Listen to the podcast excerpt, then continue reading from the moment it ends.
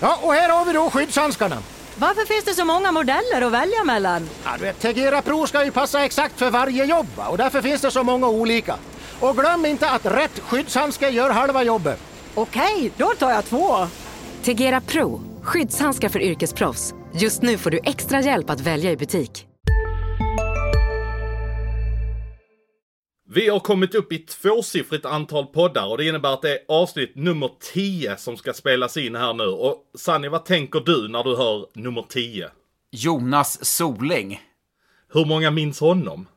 Alla borde väl minnas Jonas Soling. Och det, mina vänner, det är anledningen att jag faktiskt fick kontrakt i dåvarande elitserien med Timrå. För att Kent Nubben Nordberg hade Jonas Soling på bordet från hans agent året innan jag kom till Timrå. Men då sa Nubben, nej, nej, nej, nej, det här blir ingenting. Och Jonas Soling gjorde 15 mål, tror jag, i sin debutsäsong med Brynäs. Året efter fick Nubben ett samtal från samma agent som sa, jag har Sanne Lindström på bordet. Jag kan inte tacka nej, ge han ett tryout i alla fall. Men det ångrar han väl inte? Det, det tror jag inte. Det, han fick mig billigt i alla fall och eh, ja, det var underbara år. En som faktiskt har varit i Timrå men som vi inte alls förknippar med Timrå är ju Jesper Samuelsson. En riktig trotjänare i Vita Hästen. Han har spelat hur många matcher som helst med tröja nummer 10 på ryggen. Spelade du någonting med honom eller? Han kom det året jag drog och han hade ganska hög svansföring när han kom. Han skulle vara ett år i Timrå innan han skulle över till Detroit. Men eh, vägen gick tillbaka till Norrköping och Vita Hästen där han som, som du säger varit en trotjänare. Men en eh, trotjänare också i Färjestad och ja, kanske inte i Leksand trotjänare men Pelle Prästberg. Ja, det har man, man hört. hört ett par gånger. Ja, eh, Bosse Sonne hette han, eh, spiken i Färjestad som drog den line-upen. Och sen måste man ju såklart ta Marko Jantonen, vilken, vilken artist. Jantonen, Jantonen, Jantonen, Jantonen, Jantonen! Jantonen, han går runt hela vägen! Och så pass, passar han Jönsson som får göra målet istället. Han spelar väl även med tröja nummer 90. Jag vet inte hur många säsonger han spelar med den, men äh, även då tröja nummer 10 som du säger. Ja, han, är, han är en tia för mig. Definitivt. Och sen eh, en annan finsk, eh, ja, jag vet inte, ska man kalla det artist? Ja, det kan man göra. En, eh, en som faktiskt var i Malmö när de vann SM-guld och var med och tog upp laget, Raimo Helminen. Vad minns du från honom? Jag minns, han, han var ju, när Malmö skulle gå upp där, så de värvade, han värvades ju när de låg i division 1. Och då mötte eh, Malmö Huddinge såklart i Björkingshallen. Oj, oj, oj, vilket lag de hade Malmö då. 2-2 eh, blev blev eh, matchen. Och det var väl en fjäder i hatten för mitt kära Huddinge. Och på tal om SM-guldvinnare så finns det en som blev mästare med Modo 2007. Per-Åge Skröder. Åh oh, nej, ja du ser, jag drar mig för ansiktet. Det är nog en av de värsta, jag hatade Per-Åge Skröder. Alltså, inte utanför isen, jag känner honom inte, men på isen, jag hatade Skröder.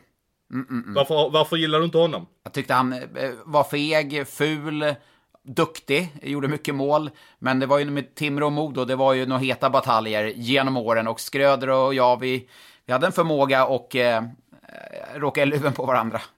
Men där finns ju faktiskt en kille som älskar honom och du blev ju närmast i chock när jag berättade ja, detta för dig. Det är, den, vi, det är vi, vi, satt, vi satt på en fredagkväll eh, i Malmö och käkade på en restaurang och så kom det en kompis till mig utanför och så sa jag du, jag har en sjuk grej om den här killen. Han, ja. har alltså, han har haft skiftat namn från Fredrik till Per-Åge och du trodde inte på mig. Nej, så du var tvungen att ropa in honom när vi satt åt. ja, och han kom då in. Det här är alltså en kille som, eh, som bor i Malmö, jobbar som eh, väktare och eh, han kom då in, han var fullt i arbete då när vi satt och käkade. Så kom han in och jag bara, berätta storyn om att ja. när du skiftade namn till Per-Åge. Och eh, där han håller på HV som sagt så han, hade ju, han gillar ju honom jättemycket när han, eh, när han spelar i HV. Eh, och han, han bytte namn då till Per-Åge för att han ville hylla Per-Åge Skröder. Och Per-Åge vet ju om detta. Alltså han vet Skröder. om det, han vet om det också. Definitivt, det vet han. Det, det fick han uppmärksamma väldigt hårt där. Ja, vi, får väl, vi får väl hylla din, vi får väl, jag sträcker mig så långt så att jag hyllar din kompis Fredrik eller Per-Åge. Ja, precis. Men uh, han, jag frågar honom också. Uh, ska du inte köra det liksom som... Ja, du behöver inte ha det som tilltalsnamn. Nej, det ska vara tilltalsnamn. Så han, uh, han heter Per-Åge än idag, även när då Per-Åge Skröder gick till Modo. Som jag nästan förknippar mer med Per-Åge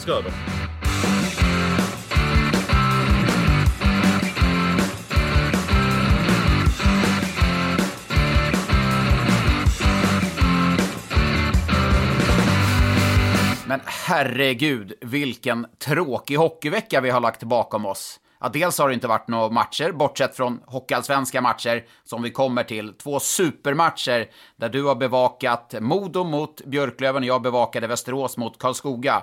Låt oss återkomma till det. Men vi satt ju och spekulerade förra veckan om oj, vilka värvningar! SHL-klubbarna kommer värva in spelare.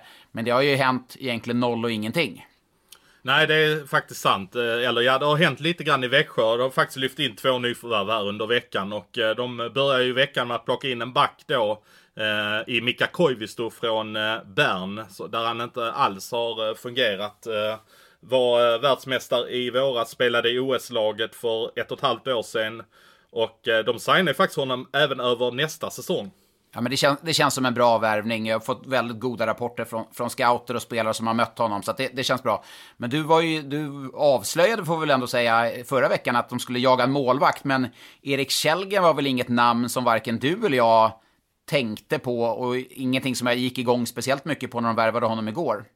Nej men precis, jag, jag var ju inne på eh, att det var något mer etablerat som de eh, var ute efter. Och vi vet ju vad de har suktat efter lite grann för namn. Men man får ju säga att eh, att de har fått gå ner en hylla eller till och med två kanske när de då värvade Källgren som, eh, som inte alls har eh, fungerat där borta i Nordamerika.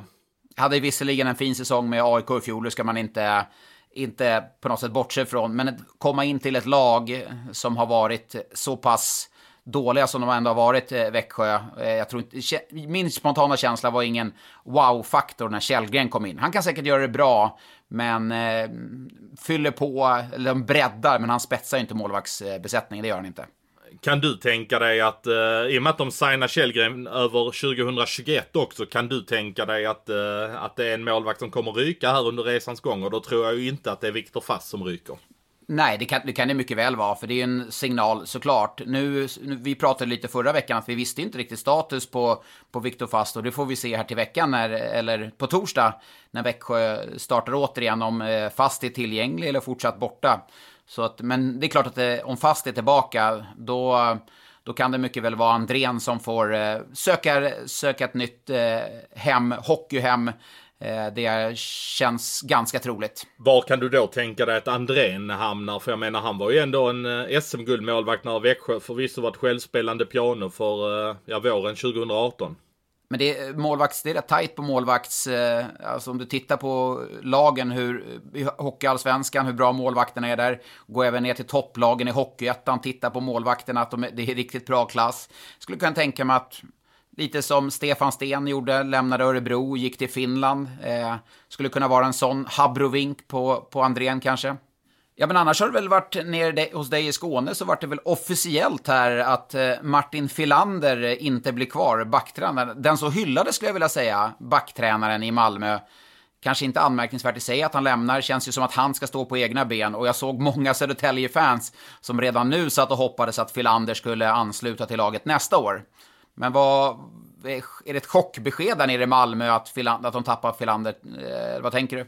Nej, det skulle jag inte säga. Jag var ganska tidigt ute på att, eh, inne på att eh, när det inte hände någonting och när han tackade nej till en fortsättning så var man väl inne åt vilket håll det lutade. Jag fick lite grann de vibbarna och när man har pratat med Filander nu här i efterhand så har han ju faktiskt sagt att eh, han gav beskedet till sin chef Patrik Sylvegård här för eh, ja, det var säkert en månad sedan han gav. Så de två har ju suttit eh, på den här grejen och så har de bara väntat på ett lämpligt tillfälle. Vilket det då kan vara att man gör det nu när det är uppehåll och grabbarna är på, ute på eh, lite olika resor och vad de nu gör under ett uppehåll. Uh, Men vad, att, vad tänker du för namn då? Vad, vad blir det? För det känns ju ändå som att man tappar ett väldigt bra namn. Kan man, e kan man ersätta det eller är det någon man ska utveckla? Försöker du pressa ur mig någonting här nu eller? Ja, men jag ser, jag har, jag har, det är tionde avsnittet, jag, jag har lärt känna när, när, när, du har någonting eh, på gång, då ser du alltid sådär lurig ut, ungefär som när jag lurar dig på Elite Prospect-spelaren. Så ser du ut nu, exakt så ser du ut. Så, så ge mig ett namn. Nej, men, men faktum är att jag har, eh, jag har eh, lite, fått lite känningar här om vem det kan tänkas bli och vad jag hör så är det, ja, alltså det är väldigt nära. Har till och med träffat den här personen som är en väldigt erfaren spelare. Släpp jag släpper nu. det. Jag släpper det. Det är Andreas Lilja som är i uh, Kristianstad just nu som Oj. är aktuell. Oj, Tankar det var, kring det? Ja, det var ett eh, oväntat namn, men känns ju väldigt spännande. Han har ju en historia att spela i Malmö, även om man kanske förknippar honom mer med Rögle. Men eh, jag har bara hört positivt om eh, Andreas och det jobbet han har lagt ner i Kristianstad, så det känns ju... Ja, men det, det är ju spontant väldigt spännande och intressant och bra rekrytering. Vad jag har förstått så är han väldigt uppskattad som människa där i gruppen i, eh, i Kristianstad. Uh, han, uh, han, han var ju en hårding på isen, han är en väldigt uh, mjuk och personlig människa liksom. Ja, jag har ju spelat med honom i, i, landslaget och jag var ju en av de yngre då och eh, kom ihåg han tog hand om mig väldigt bra och ja, på ett positivt sätt och tog sig tid för alla i sin omgivning och var en ledare på isen och utanför isen. Så att det känns också som att han har gått en lite längre väg också. Inte stressa fram som kanske meriterade elitspelare har gjort och eh, kasta sig in direkt i SHL hetluften. Utan han har ändå gått via Hockeyettan nu, Hockeyallsvenskan och, och gjort ett gediget och bra jobb. Så att det, äh, men det var spännande namn. Ja, och Lilja och Jesper Mattsson då som är eh, klar som assisterande tränare. De känner ju varandra väldigt väl. Eh, födda 75 båda två och har ju spelat i Malmö båda två tillsammans då och säkert spelat i eh, TV-pucken tillsammans och följt varandra väldigt väl under årens lopp. Så att det är... Det känns som att de har en synk där redan. Så att det, jag håller med om att det känns ganska spännande om Lilja skulle komma in där precis som du säger så är han ju ganska starkt förknippad med Rögle. Han var ju med när de gick upp i SHL och var ju lagkapten och sådär. Men faktum är att eh, jag kollade på det för jag kände ju också precis som du att ja, men han är ju väldigt förknippad med Rögle men 110 matcher med Rögle och 190 matcher med Malmö faktiskt. Ja, det, det, det, tänker man inte riktigt. Men han, innan han åkte över så var det ju Malmö och hade framgångar där. Så att, nej men spännande namn. Verkligen ett spännande namn. Men det den stora snackisen den här veckan har vi varit, och det har ju vi sett när vi har skickat ut frågan nu också, som vi alltid gör inför varje avsnitt. Det är ju Robin Kovacs, och eh, bakgrunden varför det är en snackis kan väl du dra? Ja, det var ju så att eh, våra konkurrenter på eh, Aftonbladet, Hans Abrahamsson och Thomas Roos skickade här under fredagen ut en nyhet eh, att, eh, att han var klar för Örebro nästa säsong. Och när jag, när jag ser en sådan nyhet så, så tänker jag oj jäklar! Och så går jag in för att jag vill se lite grann hur de har formerat sig och lite grann åt det hållet. För man vet, man vet själv lite grann när man själv sitter på nyhet hur man formerar sig och hur mycket man tror på det själv. Men eh, det kändes väldigt tydligt från, eh, från herrarna att, eh, att Kovac eh, ska spela i eh, Örebro nästa säsong. Så jag, jag litar fullt ut på vad de skriver där. Ja.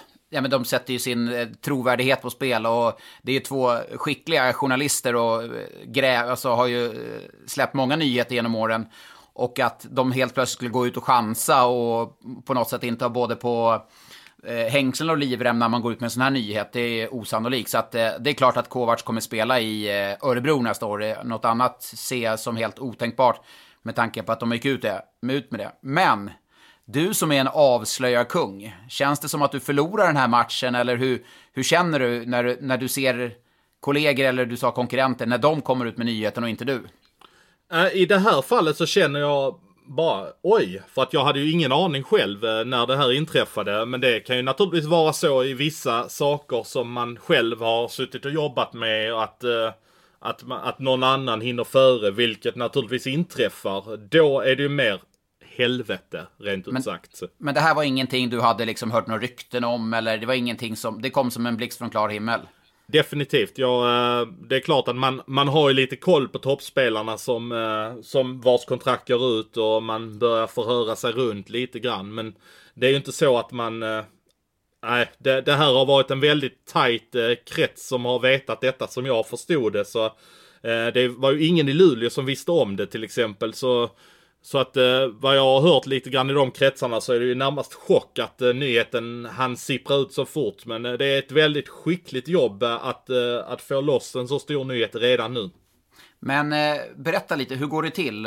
om du skulle få en sån, ett sånt tips då, då hur, hur går man tillväga då? För du måste ju ha, du måste verifiera den. Du kan väl inte bara gå på en källa, eller hur, hur, hur funkar det rent generellt?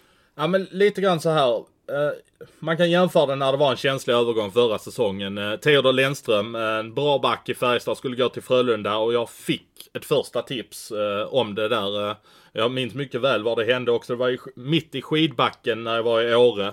Eh, men det spelar ingen roll. Eh, Frun jättenöjd, sambon jättenöjd bara. Nej, jag ska bara, jag ska bara ringa lite samtal här. Ja, precis.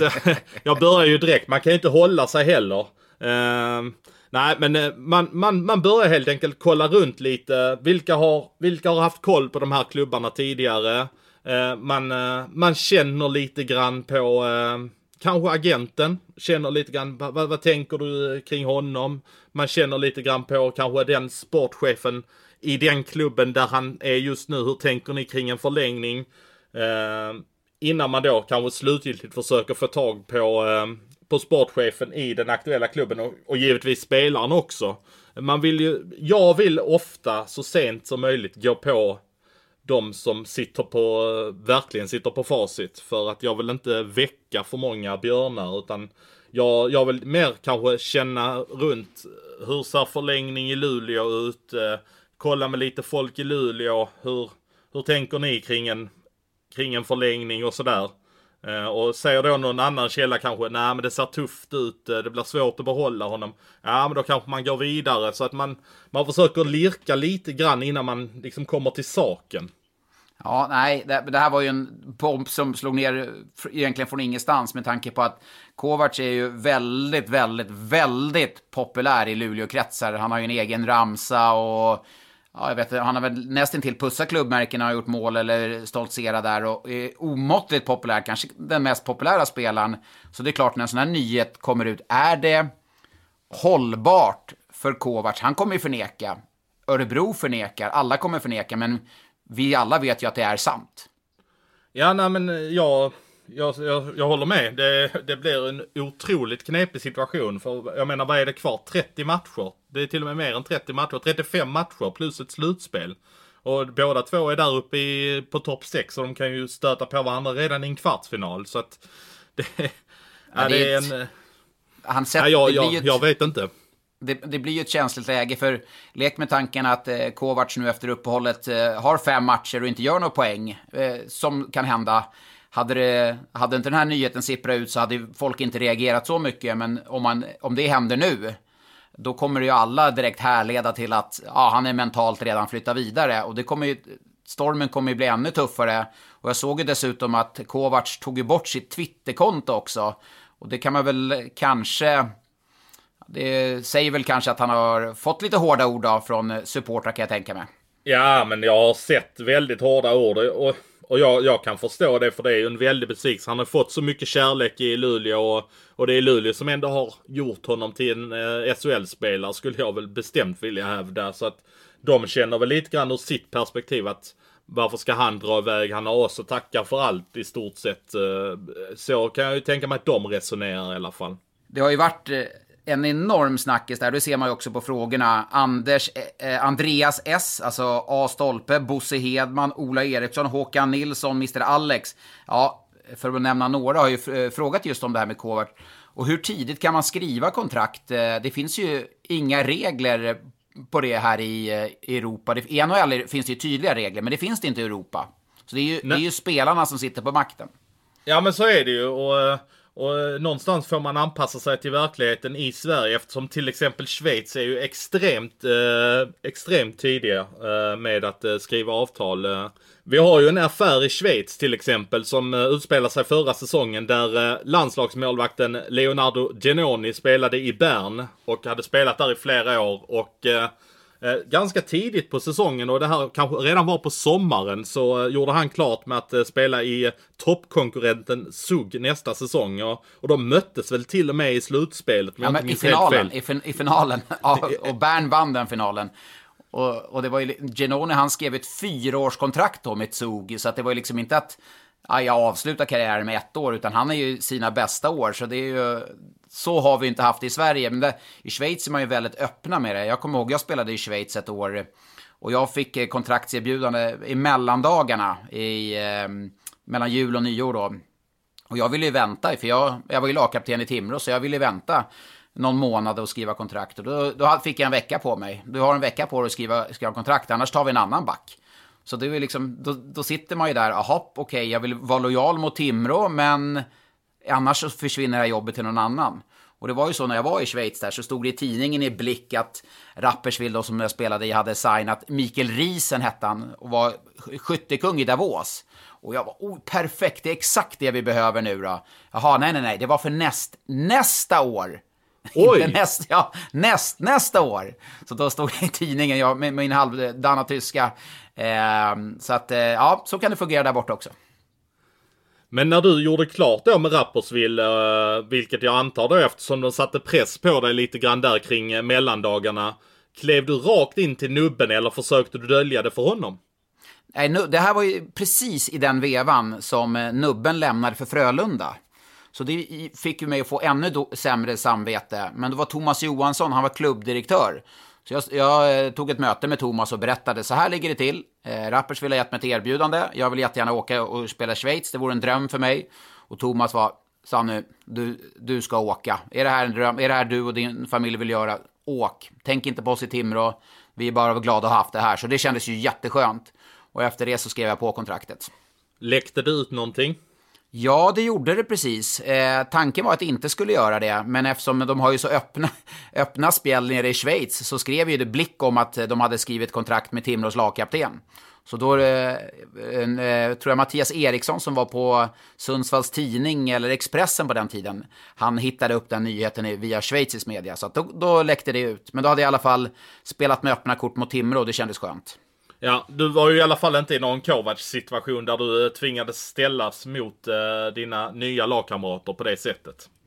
Jag kan säga så här, jag avundas inte Kovacs nu eh, och den eh, situationen som han sitter i. Och det är inte optimalt när det läcker ut. Och jag tycker inte heller att man behöver skriva kontrakt så pass tidigt i november. För det, Kovacs är en toppspelare. Om Örebro visar intresse för honom, de kommer vara lika intresserade av honom i februari-mars.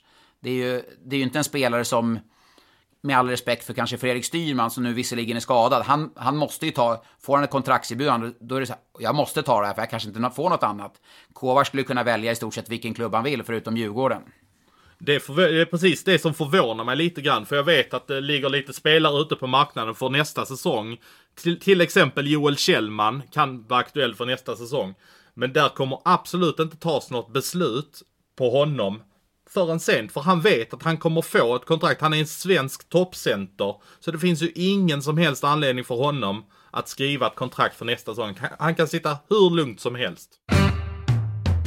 Eftersom det har varit eh, totalt stiltje i SHL-hockeyn, det har varit uppehåll, det har varit tre totalt intetsägande landskamper där Sverige förlorar samtliga tre matcher, väldigt tråkigt i sig. Men den stora, de stora snackisarna och ja, de heta matcherna har ju varit i Hockeyallsvenskan. Johan, du tog flyget till Övik. Berätta, hur var det där uppe? Det, det kändes ju helt galet, vilket tryck det var. Ja, det var magiskt. Det var, det var som att uppleva lite grann hur det kommer vara till våren när det är fullsatta hallar och, eh, och det är nerver och det är förväntan och eh, Ja, det gäller så mycket. Det är känslor. Nu var det inte så mycket känslor på isen tyckte jag, eh, som det kommer vara till våren. Men på läktaren var det ju. Och det märktes i hela, hela Örnsköldsvik att det var någonting på gång. Och, och det var matchtröjor överallt och alla restauranger var totalt fullbokade. Det gick inte att få en matbit någonstans. Så det var jäkligt häftigt. Du kunde väl sagt att du känner mig så hade du väl eh, löst det. Hade väl, någon, någon, hade väl eh, fixat ett bord då kanske. Jag ska ja, vara, om, jag, ska jag, vara omtyckt i Vikets Övik sägs det. Ja, exakt. Men berä, ja, känslan när man går där på stan, var det, var det bara liksom förväntan, glädje? Var, hur var det? Det känns ju som att för första gången sen, eh, ja det var väl några, Modo åkte ut 2016 va, och det var väl några säsonger där det kändes totalt haveri. Det var väl inte mycket som var positivt kring Modo, men nu känns ju allt positivt och folket ja, bara man ser på matchen och bilderna efteråt och det var en enorm glädje. Ja, men jag tyckte faktiskt inte Modo gjorde en jättebra match. Jag tyckte ju, alltså framförallt i första perioden så var ju Björklöven vansinnigt mycket bättre, tyckte jag i alla fall. Björn Hellkvist skyller ju på att det var för att de var för dåliga i spelet med puck, men utan puck var de bra. Men... Har de en Kristoffer Näslund? Det har de inte, nej. Jag vet Nej, inte riktigt hur den men- fördelningen är. De har ju Per Styv i alla fall. Ja, men han, han spelade mycket utan puck per styv. Ja, men Christ- för ni som kommer ihåg, Kristoffer Näslund var ju då som, den som jag har varit så fäst vid i Frölunda. Han hade alltså hand om spelet utan puck. Och Björn Hellkvist sa ju det efter matchen, han tyckte de spelade väldigt bra i spelet utan puck i lördags och stängde mycket ytor för Björklöven, vad jag säga. Även om, ja, som du var inne på Johan, där såg jag du skrev, i första perioden var ju Björklöven ruskigt bra. Ja, jag tyckte Björklöven hade en jäkla energi. Det var precis som att de fick energi av att, att de anföll mot alla sina fans på den kortsidan. Det var som förväntan i varje skott, varje chans. Bara nej! Och oh, och ja, och lite så. Så att det, nej, jag tyckte det var, ja, det var coolt att se att det var så mycket folk från Umeå som var nere och, och kollade på matchen. Jag mötte en Björklöven-supporter precis utanför hallen och han sa på tåget, alltså hela tåget var helt grönt. De hade tagit tåget ner de 11 milen från, äh, från Umeå. Han sa det var säkert 90% som skulle på matchen. Alltså, de hade inte upplevt någonting sånt här på hur länge som helst. Det var ju rena invasionen till Örnsköldsvik. Ja, det känns ju som att eh, de här matcherna bara... Alltså om de nu skulle bli så att de möts, om vi går händelserna i förväg, det, det kanske absolut inte blir så, men med, med tanke på den formen Modo är i nu, 10 raka trepoängare och Björklöven som också har varit grymma den här säsongen, så kan de ju mycket väl ställa sig i den här hockeyallsvenska finalen. Och alltså, det har ju bara stegrats mer och mer, de här känslorna mellan lagen, hypen kring dem, så att det kan ju, ja, det kan ju explodera. Det känns ju som att det är mer intressant än, än slutspelet faktiskt framåt eh, vårkanten. Ja, när de ska spela så är det ju eh, mitt i eh, slutet av SHL-säsongen och sen ska ju de här eh, play-in-matcherna spelas, eller åttondelsfinalen, vad man nu kallar det nu för tiden. Men det är ju De som du älskar. Jag ser på dig att du älskar dem. Du vill, du vill ha mer play-in-matcher eller åttondel. Jag ser på hur mycket du älskar dem. Om man, om man ska prata lite mer om matchen så hade ju Björklöven nyförvärvet Fredrik Weigel med. Syns att han är skicklig. Eh, nu syntes han ju inte jättemycket. Björklöven fick kanske inte så mycket powerplay och de har inte spelat ihop sig riktigt. Eh, även Gustav eh, Buraman eh, gjorde ju seniordebut på svensk is i alla fall. Det var lite grann det som öppnade upp matchen för Modo när eh, Daniel Sylvander gjorde en tackling när han höll på att kladda lite med pucken och som sedan eh, Tommy Enström sprätte upp i krysset. Riktigt snyggt mål. Sprätte upp, det var väl ett understatement. eh, Det var väl årets understatement. Sprätte upp.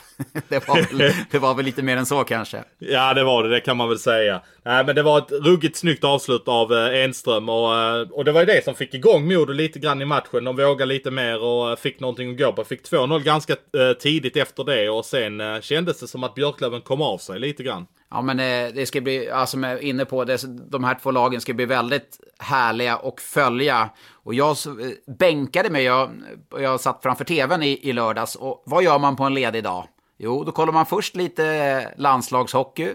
Sverige mot Ryssland, vilket jag snabbt bytte, bytte bort när eh, eh, Västerås-Karlskoga började. Det var ju också en... Får, får, jag, får jag lov att bryta dig lite där? Känns inte det ganska sorgligt att, att man pratar ner landslaget så pass mycket ändå? Alltså de, de kommer här och ska göra sina första landskamper för säsongen. Jag känner precis som du Sanni. Och, och jag, har, jag har ju spelat de här landskamperna, men jag vet ju vad det betyder för, för spe, spelare, för, för, min, ja, för mitt varumärke eller för mitt marknadsvärde betyder det jättemycket att få vara med i Tre Kronor. Absolut. Och det, är en helt, det blir en annan hockey, en, en, annan nivå. Du möter ju första kedjor, eh, alltså SHLs bästa spelare möter du byte efter byte efter byte, till och med lite bättre. Så det är klart att det är nivå upp. Men sitta och titta på de här matcherna. Liksom. Det är ju Sverige mot Tjeckien i Leksand. Det är liksom...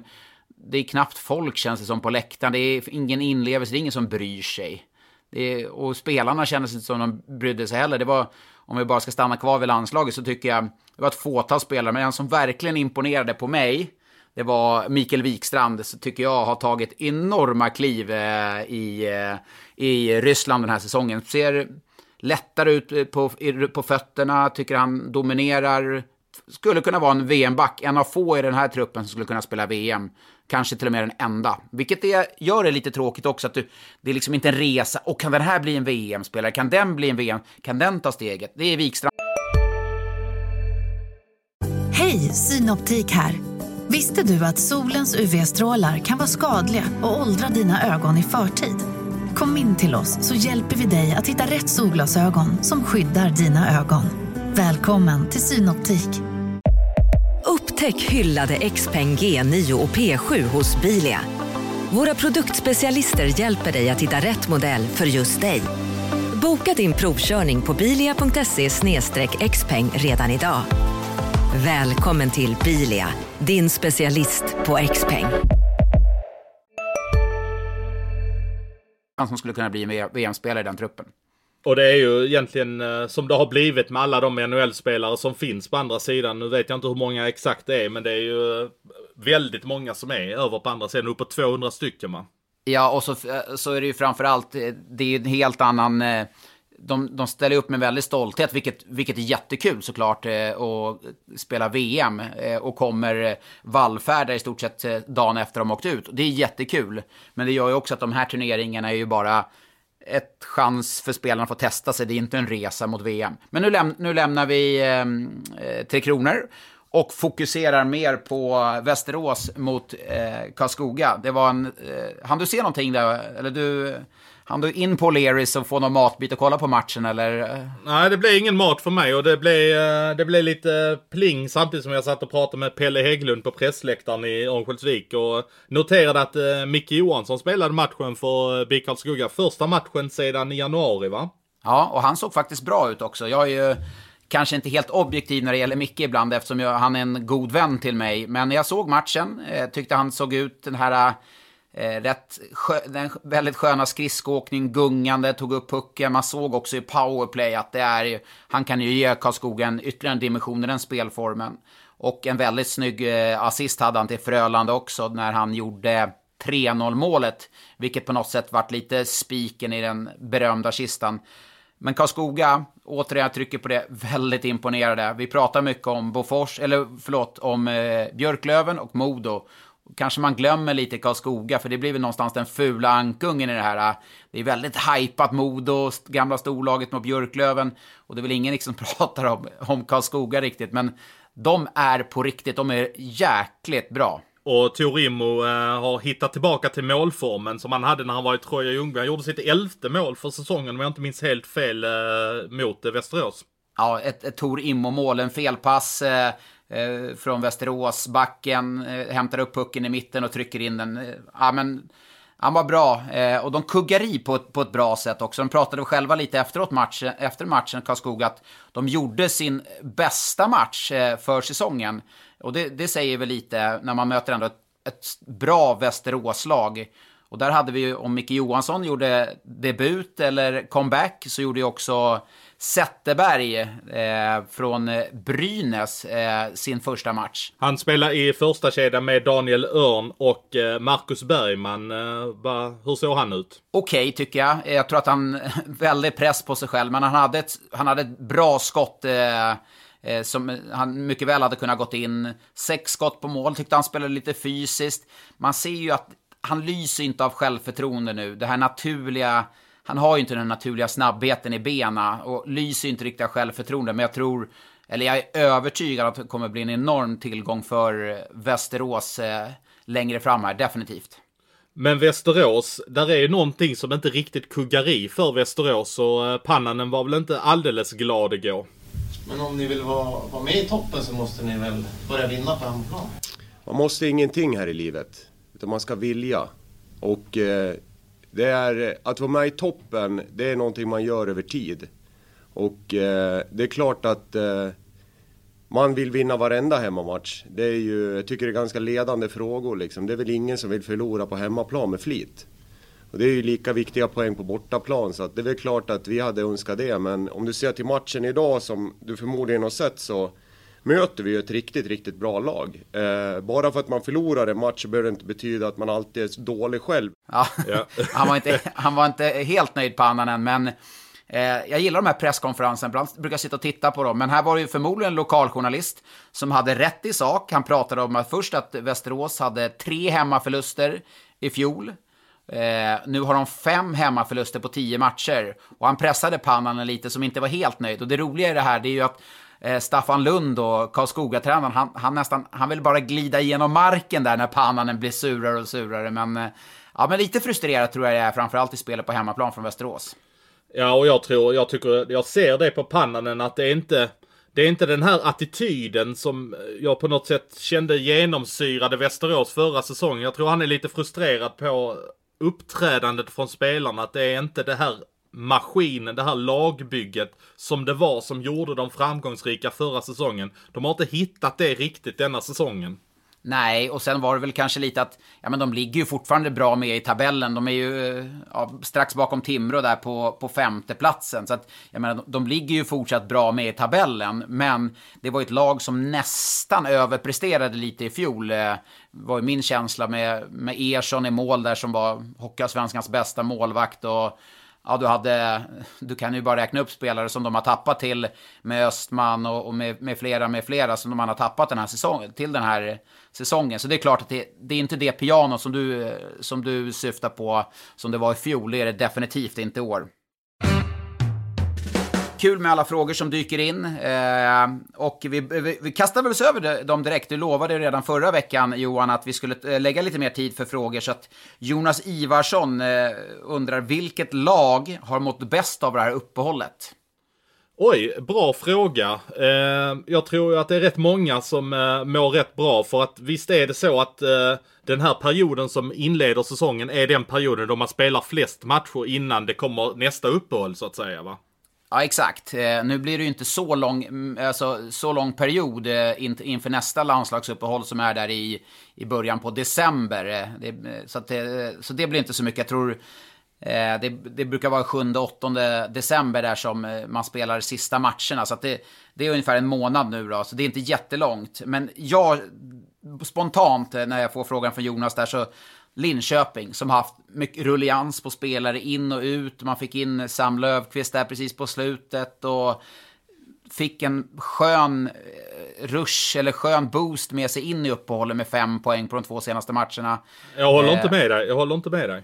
Du ville att de skulle fortsätta spela då eller? Ja men de avslutar väl ändå ganska okej okay, Linköping. De Jättebra. avslutar med två, två raka segrar och jag tror gärna de hade velat fortsätta när de eh, hade flytet där. Men fortsätt resonera kring Linköping så säger jag mitt lag sen då. Ja men då har man nu fått lite lugn, man har fått de här två, två vinsterna, man känner okej, okay, spelet funkar, vi känner oss trygga med det här. Okej okay, nu kan vi bygga vidare och nya spelare får komma in i laget, hitta sina bostäder lite så och bygga den här gruppdynamiken. Så att jag tror att Linköping har mått väldigt bra av det här uppehållet.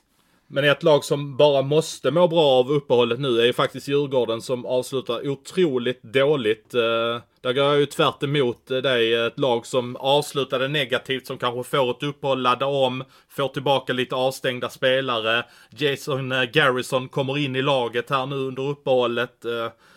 Djurgården borde må bra av ett uppehåll, få ta lite omtag kring allting här och ja, får prata igenom lite olika saker, vad har inte fungerat och så vidare. Dick Axelsson kanske dyker upp här när som ja. helst. Men hur, det har ju också dykt upp frågor här kring Dick Axelsson om Djurgården ska ta in honom. Hur många medier har avslöjat den senaste tiden att Dick Axelsson är klar för Djurgården? Ja, det, det är en rätt rolig äh, grej det där faktiskt. Äh, för eh, jag tror det var eh, Jonathan som jobbar på Sportexpressen som, eh, som skrev om det, att de var muntligt överens. Men det var väl någon annan som redan hade hunnit skriva att, de, att han skulle dit. Och sen så var väl Hockeynews ute och skrev att de avslöjat att allting är klart nu. Att han kommer skriva på. Men eh, Nej, det, jag vet inte. Har du hunnit räkna eller? Ja, men alla, som du säger, jag har, inte, jag har tappat räkning på alla som har avslöjat eh, Dick Axelssons vara eller inte vara. Men det är väl bara en tidsfråga när han kommer in i Djurgården och säkerligen vill väl om att han ska träna lite med, med laget innan han kommer till spel kan jag tänka mig. Eh, en annan stor nyhet eh, får vi väl ändå säga, och vet inte om det var du som drog igång drevet mot eh, Oskarshamn, Johan, som gjorde att Oskarshamn kände sig tvingade att ta in Thomas Fröberg som general manager i eh, Oskarshamn. Han har faktiskt den titeln. Ja, Thomas Fröberg Thomas Fröberg var då sportchef i eh, Karlskoga och det har ju varit en eh, lite infekterad eh, historia i Oskarshamn där Håkan Ålund, tränaren, och Daniel Stolt, sportchefen, inte har dragit helt jämnt. Och nu är väl eh, Thomas Fröberg den som ska driva Oskarshamn framåt, om jag har förstått det rätt. Ja, han är ju, han blir väl lite grann en, en bräda mellan Stolt och Ålund kan jag tänka mig. Att det kommer in någon ny där som, som ska få känna på allting och inte har några förutfattade meningar om någonting utan eh, ja, som Men... faktiskt har gjort ett bra jobb i BIK Karlskoga också. Men en bräda, det är väl, det är väl Thomas Fröberg som general manager som har sista ordet? Så är det definitivt och det har de varit tydliga med. Och jag tycker det är lite konstigt där eh, när, eh, när de säger att eh, han inte har blivit degraderad, Daniel Stolt. Klubbchefen Martin Åkerberg fick den frågan på presskonferensen. Är Daniel Stolt degraderad nu? Nej, vi ser inte det som en degradering. Men det är ju precis så det är, för jag menar Stolt tar inga beslut längre utan det är ju Fröberg som tar besluten. Så det är en solklar degradering. Vet du vad det är? Det är en pungspark ska jag väl säga. Det är en rejäl pungspark på Daniel Stolt. Ja, är det kanske ett sätt för honom att, eh, att, att bli av med honom rent av, eller? Ja, samtidigt så, alltså han blir ju åsidosatt. Det är ju ingenting kommer ju gå via Daniel Stolt. Eh, Thomas Fröberg kommer ju, han kommer ju köra där som han har, jag menar, som han är rekryterad för att ta besluten. Samtidigt... Rekryter, rekryteringen är ju faktiskt så att, uh, att de ska sitta tillsammans och ta besluten, men han har sista ordet. Som det så Ab fint heter. Absolut, men eh, samtidigt för Oskarshamn, det är ju en organisation som är väldigt smal. Eh, de har ju inget J20-lag i Superelit till exempel. De måste ju, ska de bli hållbara över tid? Jag älskar ordet hållbara. Det är miljötänk, det är hållbart. Oskarshamn ska de bli hållbara. Ja, hållbart, det ska vi köra. Eh, man känner sig jävligt proffsig när man säger hållbart. Ja, det är väldigt modernt att säga hållbart. ja. ja, men ska de bli då hållbara över tid så måste de ju ha ett juniorlag som spelar i superelit. De måste ju ha ett fungerande hockeygymnasium. De måste ha J18 som är liksom på, på en hög nivå. Eh, och där är väl då Daniel Stolt, där kommer väl han in i bilden. Han kanske ska bli lite mera fokuserad på det, hitta den röda tråden för Oskarshamn, rekrytera spelare till hockeygym, styra upp så man har ett J20-lag i Superlit också, för man är garanterad en plats i Superlit när man Ja, men vänta lite här nu, vänta lite här nu. Oskarshamn rekryterade ju faktiskt Daniel Stolts kompis från Vimmerby, Pelle Johansson, som knegade på Åbro i Vimmerby och sa upp sig för att göra just det jobbet som du pratar om nu. Ja, men då har de ju två stycken. Då är det, då är det dubbelt så hållbart över tid kanske. Ja, men då kan, väl, då kan väl eh, Stolt bli den här eh, plankan, eller vad du benämnde Fröberg som, mellan eh, sin, sin gode vän där från Vimmerby och ja, Fröberg eller eh, organisationen för, för att bredda den. För ska man bli framgångsrikare över tid så måste man bli bredare. Det går ju inte att ha ett en verksamhet där du inte har ett J20-lag där du kan faktiskt lyfta upp spelare. Där, där du är tvungen att låna ut de två bästa J20-spelarna till HVs superelitlag. Ja, det blir jättekonstigt. Jag håller med. Fråga just eh, Andreas Idberg här. Eh, Oskarshamn säger att de ska värva. Om ni fick plocka in en back och en forward i laget, vem skulle ni välja då?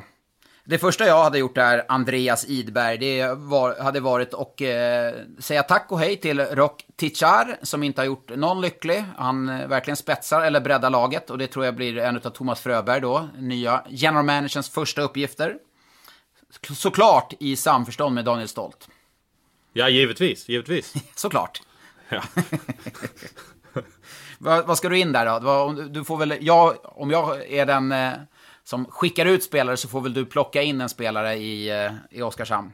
Ja, det är ju inte så att marknaden kryllar av spelare som kan tänka sig att spela i Oskarshamn med en eh, tunn plånbok. Eh, så att jättesvårt att svara på. Men jag, jag hade ju gjort en jättestöt på Jens Olsson och ja, och betalt honom de pengarna han ska ha för att han hade gått in som topp två back i laget direkt. Men varför, uh, varför sitter Jens Olsson... Han var ju nere i Genève, fick inte vara kvar där. Men vad väntar han på? Vill, är det pengarna han väntar på eller rätt lag? Jag tror det är både och. Uh, alltså Jens Olsson är ju... Han vet sitt värde. Jag menar han, han har ju ändå varit i SHL i flera år och var nere i Schweiz nu. Förvisso gick det inte jättebra och, men det var ett bra sätt för honom att komma igång med säsongen. Så att, eh, men jag tror att det, det, är, det är pengarna som spökar i fallet med Oskarshamn. Jag har hört summor uppåt 140 000 om man ska komma till Oskarshamn och då, då kan det vara okej okay att köra för att det är inte den bästa sociala lösningen för honom. Men allting har ju ett pris. Eh, Björn Johansson frågar, diving, är det ett stort problem? Hur går snacket kring det inom lagen mellan spelare? Mellan spelare och spelare och tränare och ledning. Jag kan bara säga att när jag spelade, det har filmningar har alltid förekommit. Det är ingen ny företeelse. Det har alltid varit förstärkningar. Eh, vi hade en spelare i Timrå där vi fick eh, säga ifrån, alltså spelarna fick säga ifrån till den, eh, till den killen att nu får du skärpa dig, nu håller du på att filma liksom, du kommer inte, det är inte trovärdigt, du, liksom, ingen kommer ha någon respekt för dig. Så att vi, vi, vi tar en spelare rejält i örat där faktiskt, att han filmade för mycket. Och det vill du inte säga vem det var eller? Jo, men det var Jared Hagos. Det var när han kom från, eh, från AIK där första året som, eh, som han hade en, någonting som vi inte gillade. Jared var en superbra kille på alla sätt, men han hade en tendens att förstärka situationer och det, och det uppskattades inte. Men du, jag får komma in på en grej där när vi pratar filmningar. Vi pratade om det förra veckan där, där eh, den senaste som faktiskt blev dömd till en bot där, Marek Rivik, fick ju en i Leksand där i förra veckan. Hur mycket skäms man egentligen? För jag menar, Leksand fick ändå ett powerplay där man gjorde mål. Är det så att skammen verkligen är så stor när det ändå är så pass många som ändå gör det? Men om man bara liksom, om man fokuserar på um, kanadenser, stora tuffa kanadensare och amerikaner som spelar hockey som är någonstans liksom de som alla ser upp till för att de är så tuffa och, och bra. Ta JVM för något år sedan till exempel. Eh, när Sverige förlorade finalen mot USA eh, i Buffalo. Då höll de på att filma Kanada och vad försvarade de sig med? Whatever it takes. Vi gör vad som helst för att vinna. Whatever it takes. Och då är det någonstans här, ja, ja, men då är det tillåtet. Som Rivik i det här fallet, han, ja, men han fick en, eh, ett powerplay med sig. Eh, de gjorde mål på det Leksand och fick en, eh, liksom en flygande inle eller start eller flygande fördel i den matchen. Så att många försvarar sig också med att du kan filma för att ah, whatever it takes. Jag tycker att det är ett eh, osportsligt, eh, men det, det, det, kommer att förekomma eh, oavsett hur mycket man pratar om det och vilka, vilka böter man än delar ut. Men du, jag tar och bryter in med en liten fråga som vi faktiskt har fått på vår mail. Sanni Svensson i ett ord snabelaexpressen.se. Det har faktiskt kommit in lite frågor. Det kommer in frågor lite ganska tidigt på veckan så det blir lite inaktuella och sen är det frågor som eh, vi även hinner ta upp här i podden. Men en fråga som kommer från Peter Exet Eriksson är varför tar eh, landslaget aldrig ut Linus Omark och Linus Klasen i landslaget längre? Visst, de är väl inte så skarpa i defensiven, men däremot riktigt bra i offensiven och spets behöver ju alltid. Tycker man att, att man kunde testa dem åtminstone. Vad säger ni? Eh, Linus Omark hade varit med, eh, jag är helt övertygad om, med tanke på hur bra han spelar i KL. Men han har väl själv aviserat att eh, han är klar med landslaget efter VM-guldet för i... Eh, Eh, var det Köln eller nej, Köpenhamn eller Köln var han med och vann VM-guld efter I Köln va? I Köln va? Ja, efter det så eh, aviserade han att nej men nu är jag klar med landslaget på något sätt, fokusera på klubblaget. Linus Klasen är en fortsatt duktig spelare men eh, där finns det många före honom så att jag tror inte han är prioriterad av landslagsledningen för att han, han är inte tillräckligt bra för att tala klarspråk. Intressant där med Linus Omark. Eh, han går ju fruktansvärt bra i, eh, i Ryssland. Eh, kommer vi få se honom i Luleå igen? Nej, jag, jag tror inte det. Jag, jag, tror faktiskt inte det. Och jag, jag, förstår varför. För att Linus Omark vände hem till Luleå för några år sedan. Ehm, eh, kom med enormt stora förväntningar och det gick inte jättebra. Luleå åkte ut i kvartsfinal det året eh, och Linus Omark fick ta ruggigt mycket skit just på grund av det. Han kom hem och spelade Säkert till inte jättejättedyra pengar mot vad han kunde kunnat tjäna i KL. Men han, lever under enorm press, så levererar inte Luleå och går till final eller vinner guld, då är det Omar som kommer få mycket skit. Så jag tror att han, han är nog bekväm där han är i Ryssland, han har en jättefin tillvaro, tjänar enorma pengar och gör det bra. Så att jag, jag tror aldrig vi kommer få se Omark i Luleå, det tror jag faktiskt inte. Jag tror att under de senaste, i alla fall två senaste vårarna och vintrarna så har det kommit tips om att Linus Omark är klar för Luleå nästa säsong. Och där, där, där kommer ett sånt tips där man, där man hajar till lite. Oj, kan det verkligen stämma? Man vågar inte riktigt för att den är lite för enkel att pussla ihop på egen hand så att säga. Jo, precis. Nej, men det är ju det är klart. Och jag förstår att alla Luleå-supportrar drömmer om att få hem Linus, Linus Omark. Det är ju en det är ju en artist och det är ju... Det är, kom du ihåg genombrottet som han och Harry, Johan Harry fick där i många år sedan, det är väl 10-12 år sedan. Det, ja, det var ju väldigt kul att följa. Ja, verkligen. Ja, vi fyller på med Tobias Krygers fråga här. Viktor Stålberg, kommer han lira i Frölunda i framtiden? Har, Frö, har Frölunda råd och framförallt, vill de ha honom?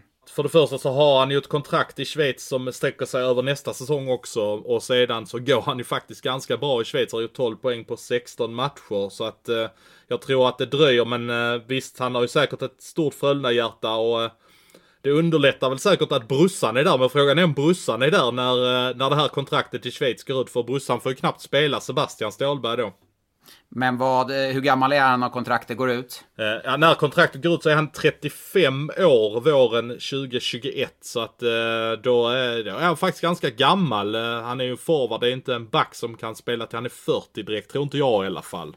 Nej, jag, det- eh, jag, tror, jag tror inte att han kommer spela i Frölunda. 35 år, då är inte ett Frölunda rätt eh, lag att vända hem till. Det, det, det tror jag inte. Och sen eh, har han inte varit i Frölunda på många år, bortsett från den där lilla, lilla lockouten 2012.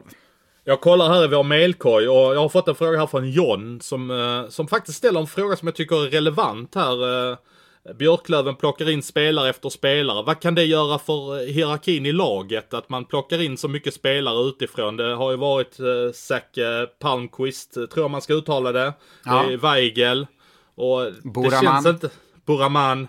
Det har kommit, eh, Wessel har kommit in här under säsongen också. Va, vad händer i ett lag när man gör så? Du har ju själv varit i ett lag där det säkert har kommit in spelare hux flux. Det är, inte, alltså det är inte helt friktionsfritt ofta, eh, för att de här spelarna som kommer in, en sån som, som Weigel, han kommer ju in och ska ha en ledande position i laget. Eh, vilket gör att det är någon annan spelare som behöver flytta på sig och den spelaren kanske är väldigt omtyckt i gruppen. Även om man vet att okej, Weigel kommer in, vi kommer att bli bättre som lag över tid med att ha honom där. Men det är ändå inte helt, man måste hitta nya roller. Den spelaren kommer att ta lite plats utanför isen, vilket gör att någon annan får stå tillbaka. Så att därför kan det vara ganska svårt när man värvar spelare. Men då blir ju de här kapt- som kaptenen Fredrik Andersson, de här ledande kärnan, det är de någonstans som måste sätta ribban för Ja, hur lever man som en Björklöven-spelare i det här fallet? Eh, och det är inte Fredrik Weigel eller Burraman eller Palmqvist som ska göra, utan det är kärnan som ska göra och nya spelarna ska rättas efter dem. Men det är intressant att du säger Fredrik Andersson där, för han har ju gått vansinnigt bra och är, är en av Björklövens bästa spelare. Men det är just på centerpositionen som Kenta har lastat in först Wessel och sedan Weigel. Det gör ju indirekt att Fredrik Andersson hamnar som tredje center i laget. Nu tycker jag att Fredrik Andersson ska vara en första center ändå, men de är ju värvade för att de ska ta plats högt upp i laget. Det är inte så att Weigel är värvad för att vara en tredje center. Men Fredrik vet ju också det, lagkapten. Eh, han är ju med på en resa som, eh, som Kente bygger upp och eh, då vet ju han att okej, vi behöver djup och bredd eh, och han kommer få sina minuter boxplay, powerplay eh, och vara ja, första, andra eller tredje center. Det kanske inte spelar en roll hur man benämner utan du måste ha en bred, eh, det, det har vi sett alla lag som har tagit sig upp, att du måste ha bredden. Vi tar en sista fråga. Det är kul att det dyker upp frågor, och inte bara om hockey. Jonas Dahlqvist, en gammal kollega på mig på, tis- på Simor som nu är på Discovery och ska kommentera fotbollsallsvenskan. Var den läskigaste tanken att universum är oändligt eller att universum inte är oändligt? Den får du fundera på och återkom gärna Johan där när du, när du har funderat klart. Det behöver du inte göra i det här poddavsnittet, men gör det framöver. Jag gör det. Ja, eh, förra veckan så gick vi igenom alla lagen, vilket gjorde att det drog ut på tiden. Och succén med Elite Prospect-spelaren, den ut, eh, utgick. Det har inte varit någon storm att den utgick kanske, så jag vet inte hur populär den är. Men vi gillar den i alla fall, Johan. Så att jag kommer eh, i vanlig ordning på fem poäng, fyra poäng, tre poäng, två poäng och ett poäng. Alltså fem är det svåraste. Och eh, för att uppdatera oss, du leder just nu eh, med Ja, vad leder jag med? Är det 3-2 eller? 3-2 tror jag det leder med. 3-2. Vi får eh, gå tillbaka och kolla, för det är ju lätt att hitta. 3-2, och vi, vi tävlar ju som sagt om en, en middag på ett eh, Hotel Sign, eh, Clarence Sign i Stockholm. Så att, Och, och, och övernattning också. Ja, och då kanske vi ska bjuda in lite poddlyssnare där och, och ha en härlig avslutningsfest med alla våra poddlyssnare. Det hade varit kul. Oj, Men- oj, vilken idé du fick där alltså. Ja, det jag fick, jag fick den här och nu, men det får vi fila lite mer på. Men, vi börjar på fem poäng. Är du redo? Papper och penna? Jajamän, jag har det framför mig här. Du ser det här. Okej, på fem poäng. Född 94. Och det var Jesus tidigare lagbygge som allt tog fart. Nej, jag, den, eh, jag vågar liksom inte. Du, du kan ju lura mig. Så jag, jag, jag vågar inte på fem poäng. Nej, på fyra poäng. Landslagsman från Talangfabriken svarade för 34 poäng i fjol. Och du vill inte säga vilken liga det var antar jag då? Nej, i SHL. Det kan jag säga. SHL, ja ja. I SHL, okej. Ja, Eh, född 94. Eh, jag tänker ju Micke Lindqvist här nu, men jag, jag tror inte han är från Huddinge. Så att jag, jag, Jag, jag utgår från att det är det du syftar på på Talangfabriken, så jag Ja. vågar inte riktigt. Då, på tre poäng. Har spelat, eh, spelat i Hockeyallsvenskan med Asplöven, Västerås och Mora. Var med när Mora gick upp i SHL 2017. Den här trodde jag du skulle ta faktiskt. Ja, alltså jag försöker fundera på eh, vad, vad Mora hade för lag då. Jag tänker Jakob Nilsson, eh, eh, Engvall, hade de lite jänkare. Nej, alltså jag hade säkert tagit dem om jag hade suttit och lyssnat. Nej, det här är enkelt liksom. Men nej, jag, jag vågar inte. Du vill ha två poäng. Jag vill ha tvåan. Det, jag, jag, jag känner att jag, jag kommer... Ja, ah, men det är klart det är han. Men vi kör på tvåan.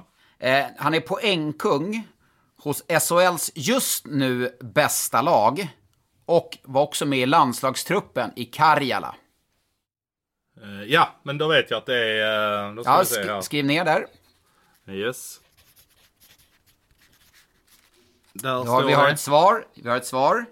Ja. Och på en poäng. Denna snackpelle och profil lämnade Mora efter degraderingen för att spela i Örebro. ja, ska jag säga det nu då? Ja, nu kan du säga det. Ja, då säger jag Mattias Bromé. Yes. Då kan vi dra på fem poäng. Han sa han är född 94. Och det var Jesus tidigare lagbygge Allt tog fart. Karriären tog fart. Det var alltså, han tog upp till Asplöven från Västerås. Exakt. Och där i, i Per Kenter då, som vi, som vi numera i podden benämner som Jesus. Det gör de i alla fall i Umeå. Eh, och landslagsman från Talangfabriken. Han är eh, från Huddinge, alltså född 94 då. Och svarade för 34 poäng i Mora i fjol. Han har då spelat Hockeyallsvenskan med Asplöven, Västerås och Mora. Och var också med när Mora gick upp i SHL 2017. Poängkung i Örebro. Örebro är SHLs bästa lag. Och han lämnade då alltså, denna snackpelle lämnade Mora i fjol för att spela Örebro. Ja, det blir, jag tyckte faktiskt det var lite halvlurigt där när du sa eh, spelar SHLs bästa lag. Man fick tänka efter. Jo, men det är ju Örebro som är Ja. det just nu. så ja, det var, det var, det var en bra, och, men jag håller med dig om att jag borde definitivt tagit det där på eh, Mora, Västerås och eh, Asplöven. Men jag fick inte riktigt ihop, vem fasen, jag tänkte, det måste vara någon som gjorde succé i Västerås, men, och att det kanske var sista destinationen innan, eh, innan SHL. Men eh, där, Ja, det- det var faktiskt den klubben han gick sämst i. Ja, det är mång- många ursäkter här, men eh, jag, jag, har, jag har haft lite dåligt samvete att jag var lite taskig när jag satte det där eh, via Daniel Widing och eh, Dick Axelsson för några avsnitt sen. Ja, nej, men jag, eh, jag kan bara säga att det är eh, svårare än man tror. Men som sagt, slut med bortförklaringar. Ja, men du, en, en sak vi inte får glömma. Vi har fått vykort! Vi har det ja, vi har Ja. det ja. Vi ville ha vykort, och eh, Anneli Sandelin Blomqvist eh, vart den första som skickade vykort. Det uppskattar vi väldigt mycket och tackar för det. Ja, det var en fin hälsning hon gav där till oss, men vi håller den eh, personligt och hon verkar vara en väldigt trogen poddlyssnare. Och är det så att man vill skicka ett vykort som Anneli har gjort till oss så ska man göra det till Kvällsposten Sanny och Svensson 20526 i Malmö. Och så, hon har till och med skrivit Sweden under på eh, där för att eh, kanske är osäker på om, Malmö ligger i Sverige eller inte. Det är inte lätt ibland.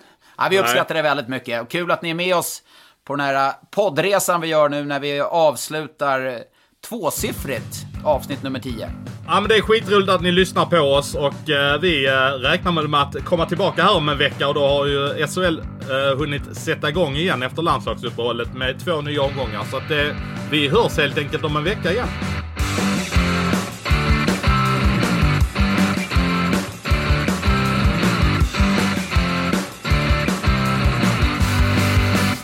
Du har lyssnat på en podcast från Expressen. Ansvarig utgivare är Klas Granström. Just nu pågår vår stora season sale med fantastiska priser på möbler och inredning. Passa på att fynda till hemmets alla rum, inne som ute, senast den 6 maj. Gör dig redo för sommar. Välkommen till Mio. På Sveriges största jackpot-kasino går hypermiljonen på högvarv.